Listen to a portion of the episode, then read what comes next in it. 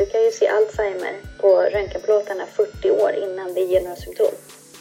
Hjärnskador som de här hjärnan erhåller under ett eller annat tillfälle i livet och Precis. som kan knyta samman med den diagnosen de får. Så, och rehabiliterade hjärnan så försvann ag- aggressiviteten också. Egentligen så finns ju det här i hennes journal. Mm. Och egentligen så tänker jag att läkarna borde vid något tillfälle kollat av det. Eh, Röntgenbilderna ser olika ut beroende på vilka delar i hjärnan som är aktiva och alla de här går in under ADD. Jag säger att det är som att försöka liksom övertala någon som inte har ben att börja gå. Alltså, det finns stöd som underlättar för din vardag, men att du kan rehabba ADHD. Hej! Vad sa du? Folk har ingen eh, förståelse för kalorier. För, precis. Nej men eh, ja, jag reser runt nu ganska mycket och gör rätt mycket olika städer och sådär och då är man ju beroende av andra människor. Verkligen. Alltså inte beroende så men Man måste sällskapsmässigt anpassa sig. Ja. Man måste vara social Mm. och social innebär ju ofta mat. Mm.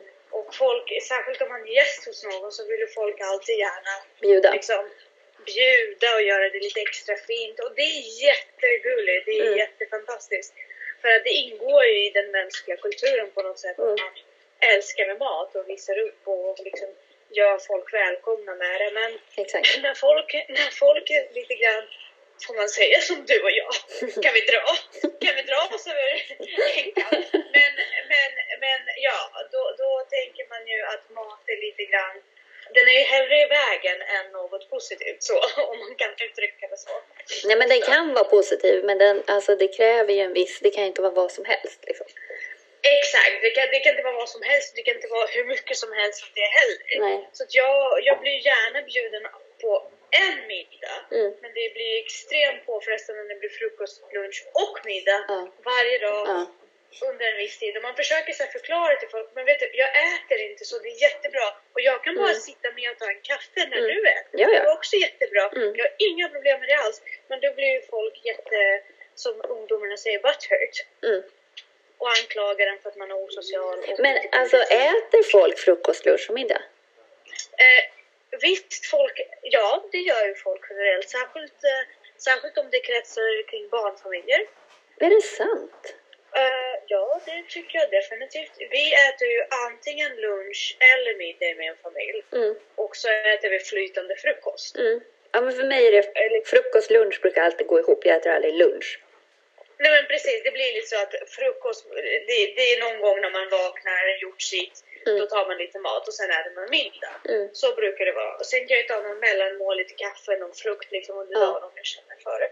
Men liksom... Ja, men sen lagar man ju mat till barnen om de är hungriga. Men mina barn är inte så. De äter frukost ganska sent så de brukar inte vilja ha lunch ändå. Elisabeth brukar vara väldigt frukost, lunch, middag fokuserad. Men det går ju också att styra ganska lätt för att hon kräver ju inte att jag sitter med henne.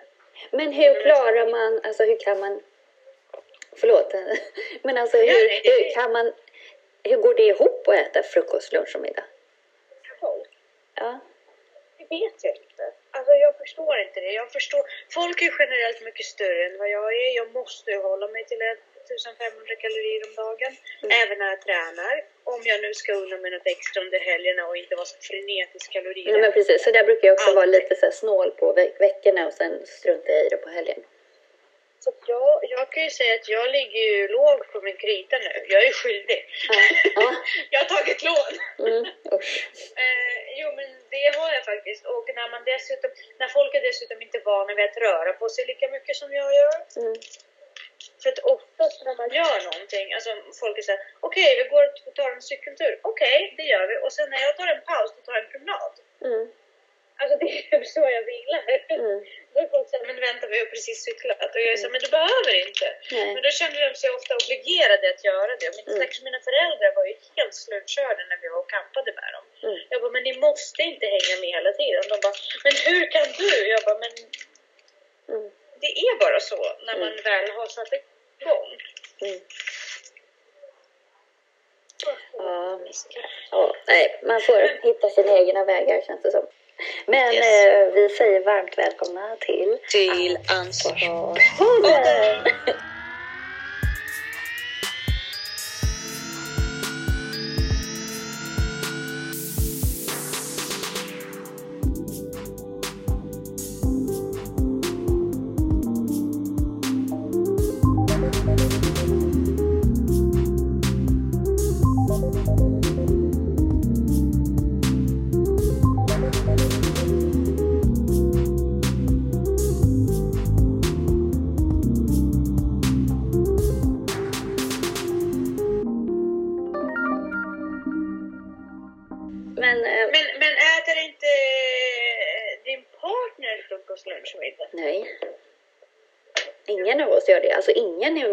gör Alltså jag så här, lunch är ett väldigt udda fenomen.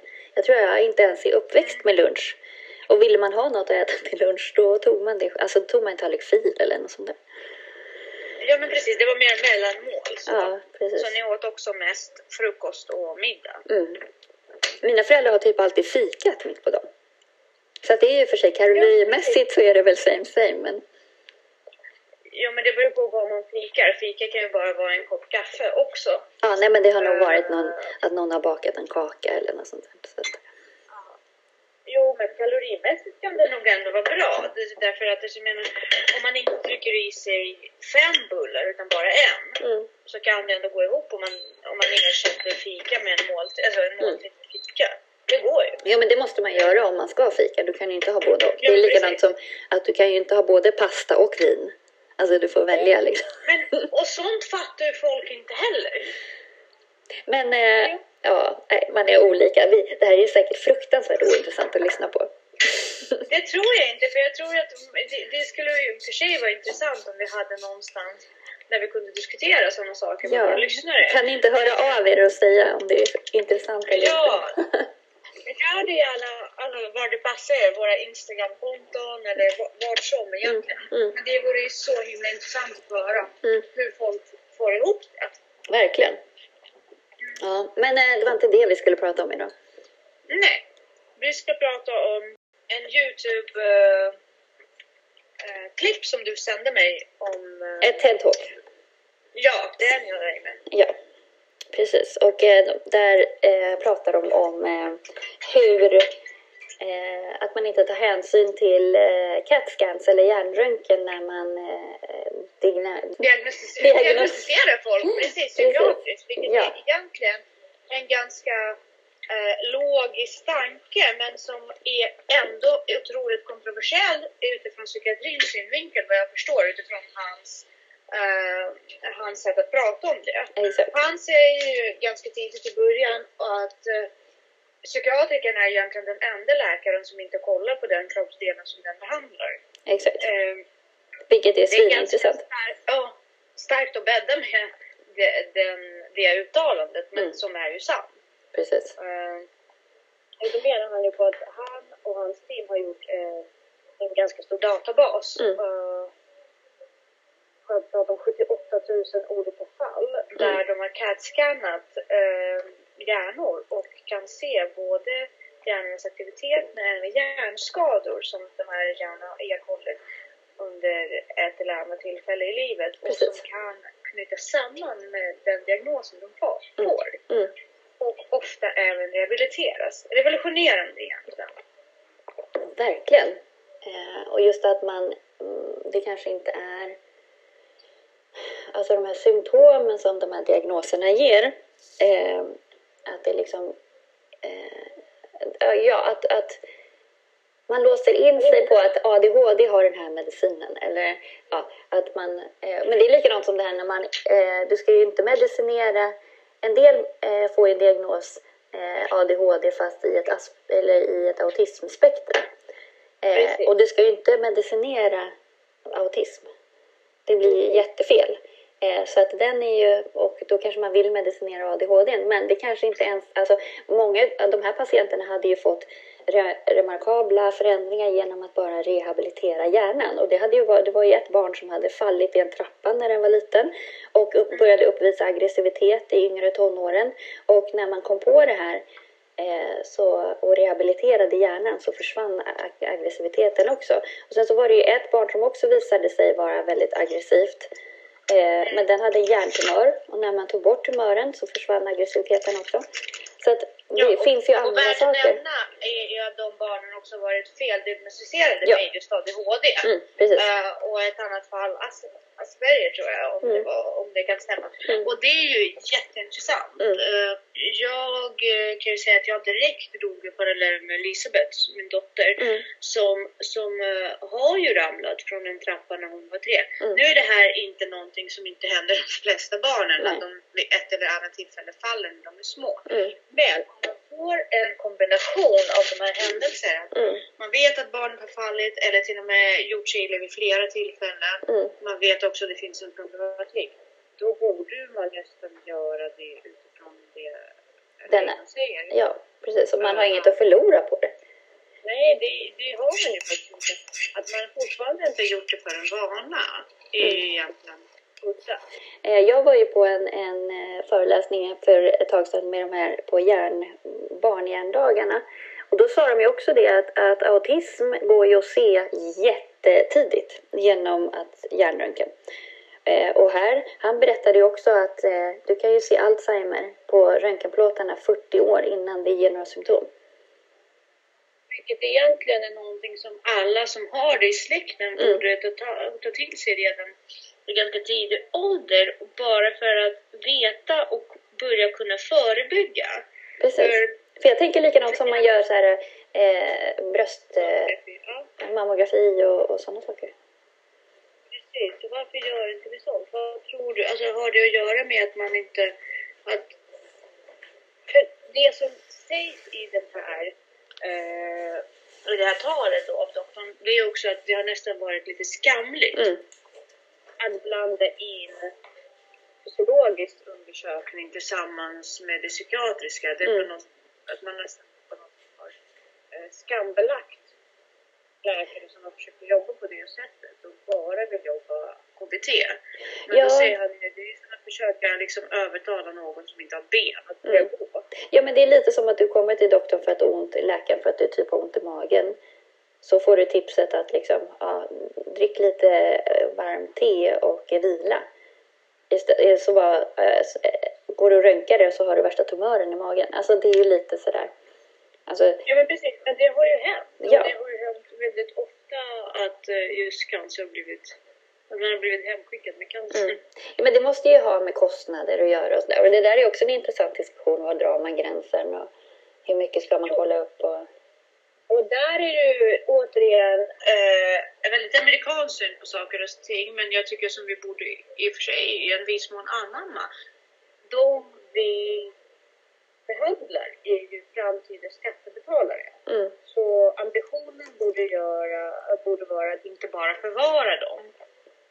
Nej, men hur mycket ska man då, kommer ju nästa fråga, hur mycket ska varje skattebetalare få till gagn? Så att, alltså, någonstans är, går, finns det ju ett tak för hur mycket man kan lägga ner på en individ. Vad är payback och liksom, vad är rimligt?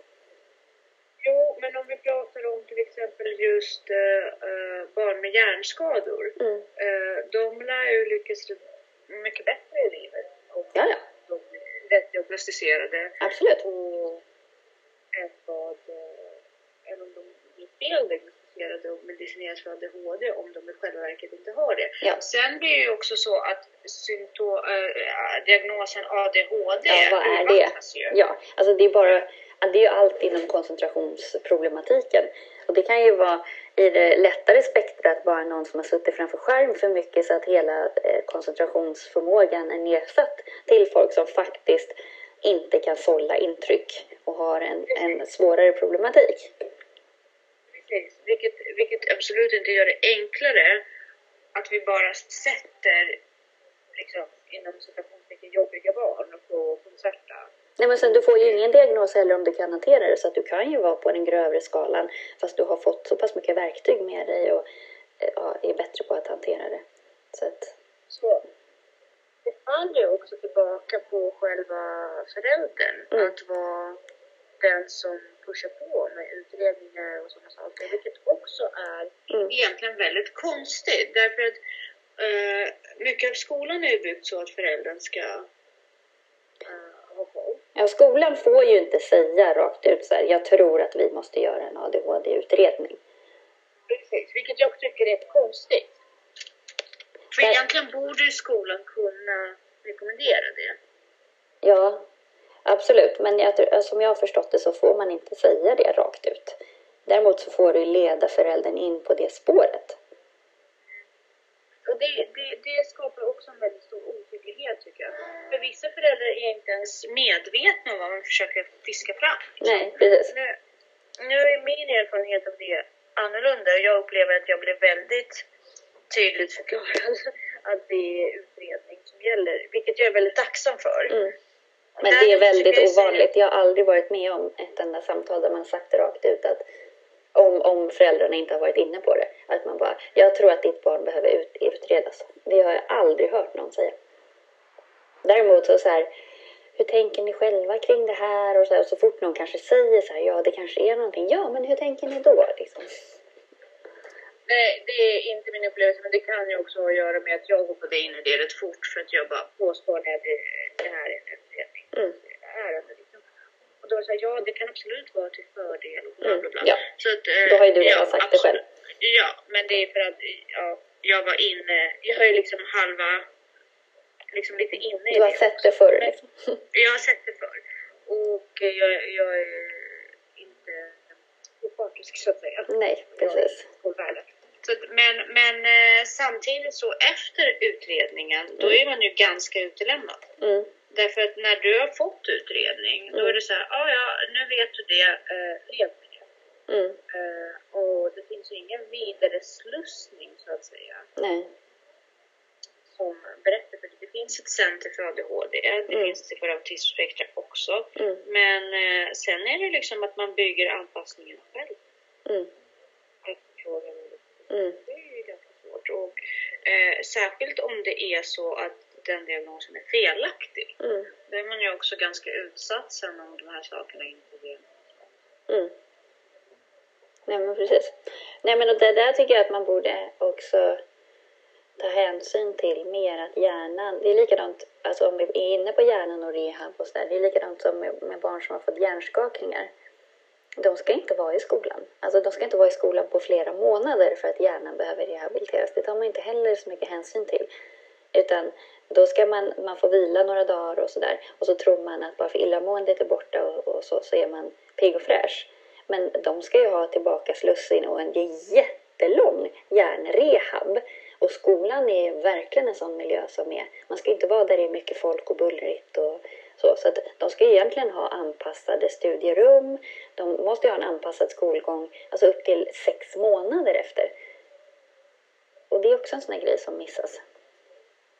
Ja, och utifrån det, man tittar på ökningen av psykisk ohälsa överlag Mm, i landet. Det är inte jättekonstigt, för att självklart när vi bodde i ett bondesamhälle vi jobbade rätt mycket fysiskt, men vi var inte utsatta för så många intryck. Då Nej. hade hjärnan mycket mer tid att, att liksom rehabiliteras, eh, komma igen, mm, eh, vila. Mm. Men nu, eh, vad gör man på barn som sitter hemma och är sjuka? Jo, man, man, eller man gör ju inte det själv. Utan barnen tar ju en mobiltelefon Mm. och det blir ännu mer stimuli och vila för hjärnan. Så där, jag tror att vi faller ganska mycket när vi inte känner till viktigaste organ. nej, nej men precis. Men även det faktum att vi faktiskt inte vet att motion, idrott, Ja, är har väldigt positiv påverkan på depression. Och kan i vissa fall även vara bättre mm, botemedel än medicin. mm, Och det, det, det tycker jag är ganska skrämmande. Ja. Därför att läkare rätt ofta mm, känner jag missar. Er, alltså det, det blir som att man går till läkare och så säger läkaren så här, ah, har du testat att motionera? mm, Och då säger så här, nej, jag, nej det, det är inte min grej. Liksom, så. mm, Och sen så borstar man av det och så bara, ja jag ska försöka springa ut. Okej, men om du gör det då kan du få, då här tabletter också. Mm, precis. Men det, så där är det med, med diabetes och sådär också. Du kan lägga om din kost men du kan få det här medicinen och så också. Vilket, eh, ja, å andra sidan, vad ska läkarna göra? De kan Mm. inte heller läxa upp och vara föräldrar och eh, poliser till folks livstillfällighet. Nej, Det är intressant fungerar ändå. verkligen. Men jag tänkte på det här med riskerna med CAT-scan och sådär. Eh, varför man kanske inte vill göra det på barn och så mycket. Alltså, det, det finns ju i och för sig en viss risk att utsättas för, alltså det är ju radioaktiv strålning. Så att det, det är väl, men däremot är de ju dyra. Så att jag kan tänka mig att det är det som är liksom. Sen så är det ju kanske, vi, finns, jag vet inte hur pass exakta de är. Vad felmarginalen är. Och så, ja precis, vem får en CAT-scan? Alltså jag kan ju säga så här att med den här filmsnutten i handen Mm. och Elisabeths historik Mm. då tror jag att jag är ganska, alltså jag tror att jag kommer få igenom det. Därför att nu vill jag ju Mm. se om det är någonting som behöver göras på ett annat plan, Mm. ADHD-medicinering och sådär. Mm. Eh, men, men jag är också ganska på.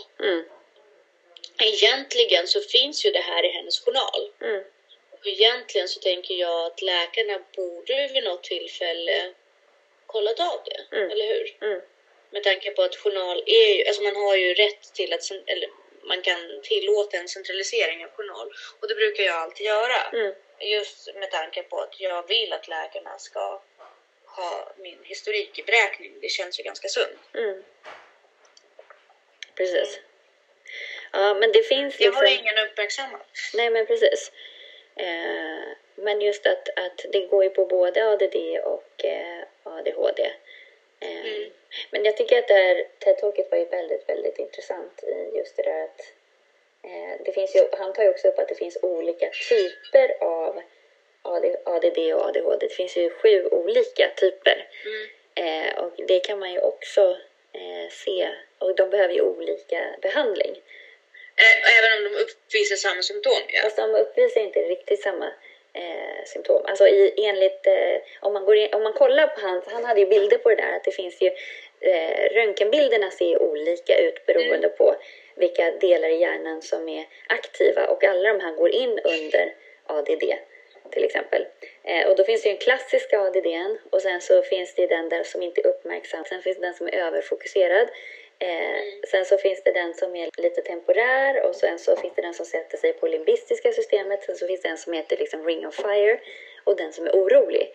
Och det är sju olika typer och alla de klumpas ihop till en och det är därför symptomen blir också så här om du har någon av de här symptomen, listan för symptom på ADD och ADHD är ju alltså det kan ju, därför kan ju vem som helst få det. Eh, och där också så, så tar ju han upp en grej som är ganska intressant här, att, att ändå, det som du var inne på också, att det finns ju en eh, det, ett stigma liksom med, det är lite skämmigt med ADD eller ADHD Mm. tydligen. Eh, men att det här då att om man har en CAT-scan på det eller liksom att det, då är det ju liksom som att ja, men det är bara så. Det är som att jag har brutit benet eller om jag behöver glasögon eller något sånt. Att det Mm. skulle kunna vara, ta bort liksom förnekelsen i det. Precis, därför att jag menar det är ju i ett. Folk säger så men alla har ju ADD. Alla har ju ADHD menar jag. Och, och liksom, eller tvärtom att egentligen finns det inte alls. Mm. Men, och det gör ju det jätteproblematiskt för de barn som verkligen behöver behandlas. Jag vet att ADHD finns, Mm. tro mig, som, som förälder. Ja. Men, men, Men är det eh, verkligen som- ADHD liksom? Är det inte bara, det kan vara en hjärnskada. Alltså, Exakt, och då, jag, jag vet ju att något finns men jag kan inte... Och sen så när vi går in och börjar liksom prata medicinering också, Mm. vilket är... Jag har ju pratat om att, eh, att, kanske, att vi ska kanske börja medicinera Elisabeth, men då är ju frågan så här, ska jag verkligen sätta min åttaåring på amfetaminliknande medel, Mm. substans, Mm. Nej. om det handlar om en hjärnskada? Ja men precis och sen så när man ser det på en röntgenbild då kanske det är lättare också. Det är som att okej jag har en överbelastad höft eller jag har eh, en idrottsskada. Att det kräver, en- det är lättare att förstå att det kräver en rehab.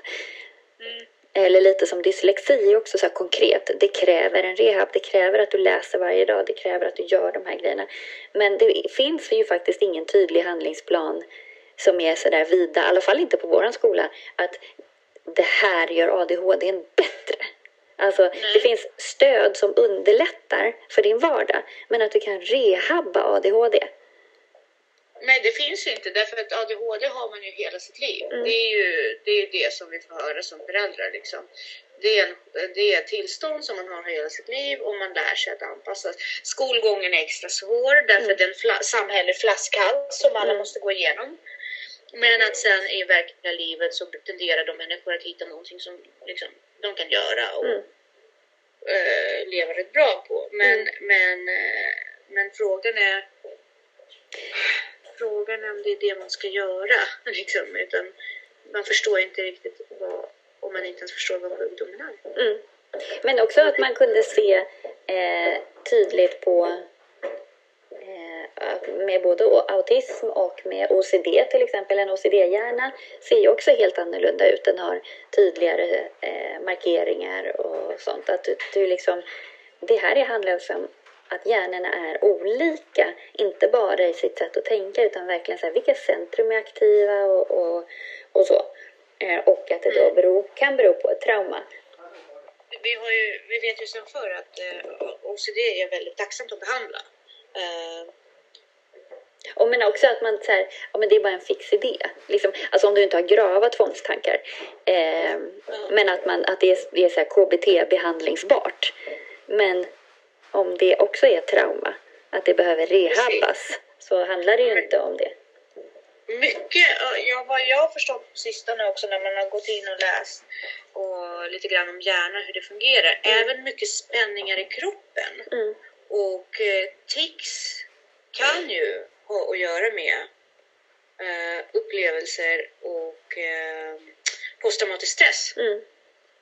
Och Precis. eh, hjärnskador kan ju verkligen orsaka posttraumatisk stress också utan att man förstår det. Mm. Verkligen. Verkligen. Därför det är, en, det är en traumatisk upplevelse för kroppen, för hjärnan, hela upplevelsen. Även om man inte kan liksom knyta en epos till det, liksom, att man inte själv upplever att det var så, så traumatiskt. Nej, egentligen. men det är som en hjärnskakning. Mm. Så att, eh, ja. Det finns för lite, egentligen för lite kunskap om det.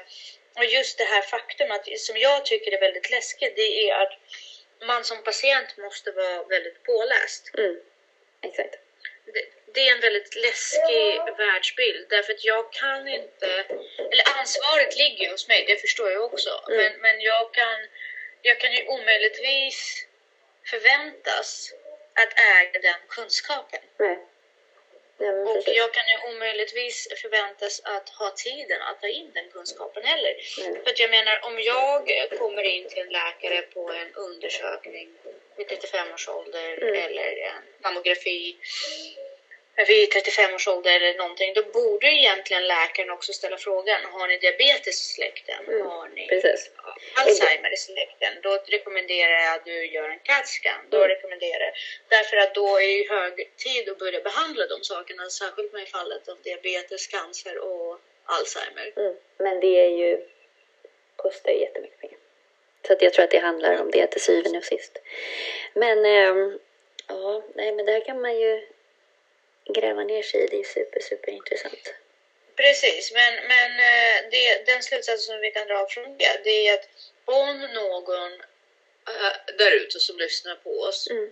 upplever att man kanske har fog Mm. att göra en CAT-scan, då kanske man inte ska Tveka. liksom Ja precis, utan man ska kanske gå och stå på sig lite för Mm. det kanske kommer förlänga ens livstid och kvalitera ens liv och framförallt för, låta dig förstå varför vissa saker funkar för dig på ett visst sätt.